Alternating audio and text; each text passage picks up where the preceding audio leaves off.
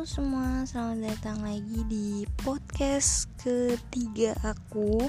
Uh, Setelah sekian purnama ya tidak bersentuhan dengan podcast Akhirnya kembali bersentuhan dengan podcast ini.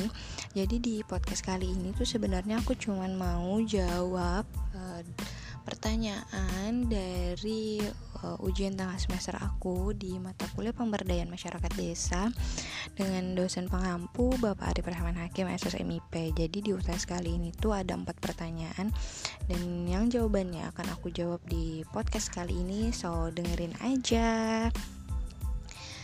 Jadi soal yang pertama itu adalah jelaskan menurut pengamatan Anda apa minat dan kebutuhan masyarakat desa di tempat Anda tinggal atau di sekitaran Anda tinggal.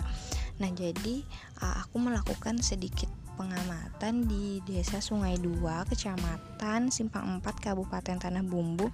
Sebenarnya desa ini bukan tempat desa aku tinggal, tapi desa ini adalah salah satu desa yang menjadi uh, tempat PKL aku semester lalu dan desa ini tuh cuman berjarak sekitar 2 jam gitu dari tempat aku tinggal.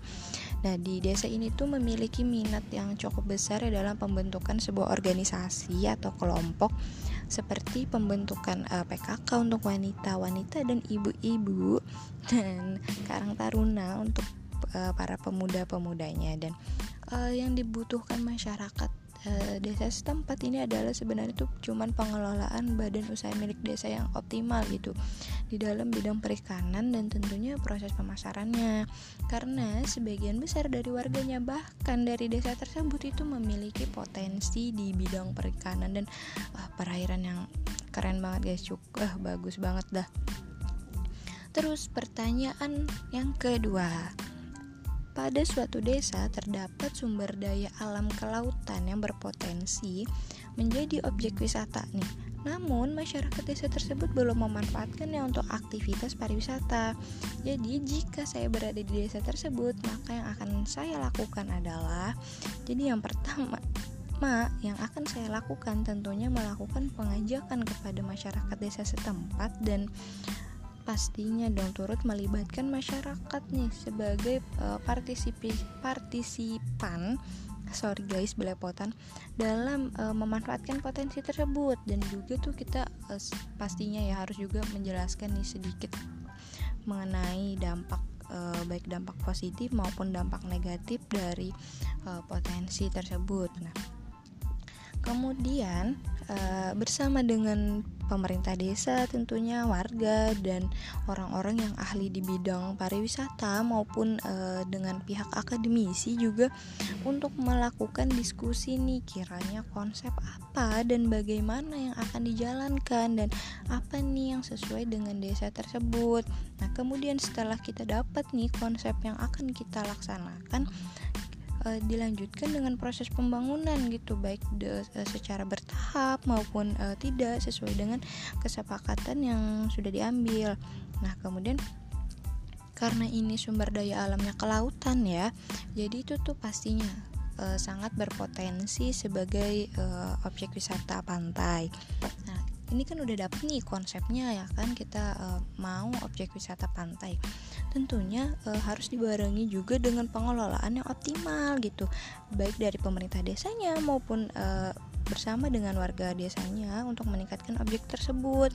Uh, baik dengan menyediakan sarana dan prasarana yang mendukung seperti resort-resort maupun wahana-wahana air seperti uh, banana boat mungkin jet ski uh, terus uh, atau menyediakan uh, fasilitas snorkeling dan diving gitu kan dan tentunya yang tentunya ya harus dikemas pula uh, dengan kemasan yang sangat menarik dan sangat uh, terbaru gitu. Nah, lanjut ke pertanyaan yang ketiga. Pada suatu desa terdapat masyarakat yang beragam berbeda agama, suku, bahasa, dan e, setara sosial lainnya. Kemudian terjadi konflik besar yang mana e, antar masyarakatnya itu bertikai. Sebagai pemuda desa tersebut, maka yang bisa saya lakukan adalah tentunya ya sebagai e, pemuda sebisa mungkin nih kita ikut terlibat dalam proses penyelesaian konflik tersebut. Ya dengan cara uh, yang pertama nih menyelidiki dulu dong masalah apa sih yang sebenarnya terjadi nih di desa nih. Uh, dengan melakukan mediasi maupun diskusi dengan tokoh-tokoh agama setempat terus uh, pem, apa sesepuh-sesepuh setempat uh, tentunya dengan melibatkan pihak-pihak yang bertikai nah kemudian nih sebagai pemuda juga uh, sedikitlah memberikan pandangan dan sedikit keilmuan yang sudah didapatkan juga guna uh, menenangkan atau bahkan mungkin menyelesaikan nih membantu menyelesaikan permasalahan yang terjadi. Oke, lanjut ke pertanyaan terakhir.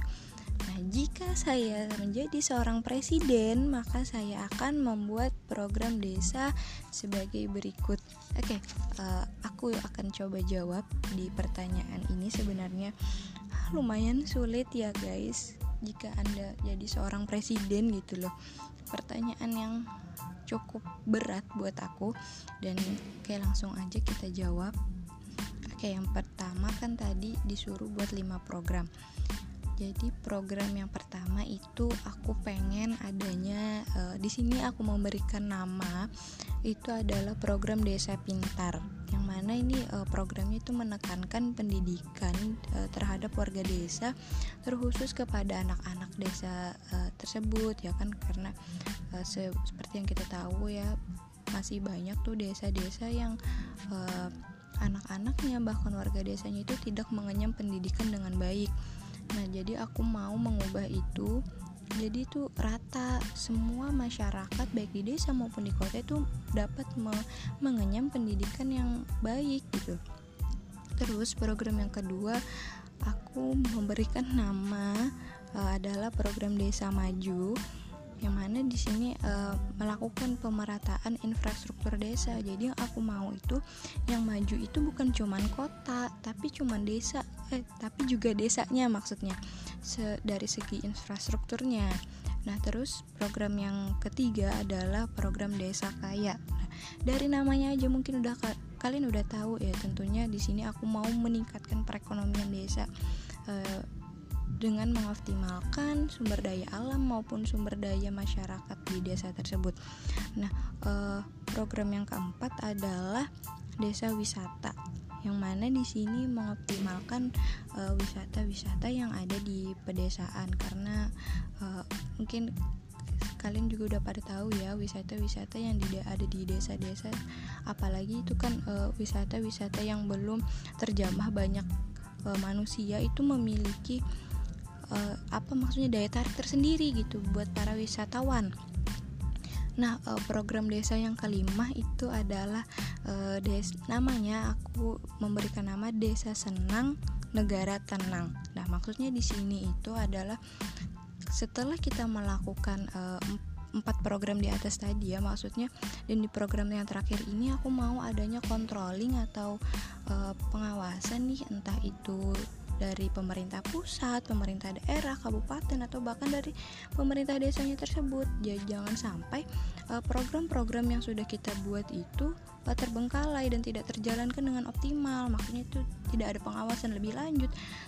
Dan jadi aku pengen itu ada pengawasan berkelanjutan gitu nah untuk uh, memastikan dan program-program itu dapat berjalan dengan baik. Oke, okay, cukup guys. Jawaban dari empat pertanyaan uh, eh, UTS aku. Uh, thank you buat kalian yang udah mau dengerin dan aku juga mau minta maaf ya kalau ada eh, salah-salah uh, kata entah apa pun itu dari jawaban aku. Karena ini sebenarnya um, murni dari pendapat aku pribadi jawaban aku pribadi. Jadi thank you guys buat kalian. See you. Bye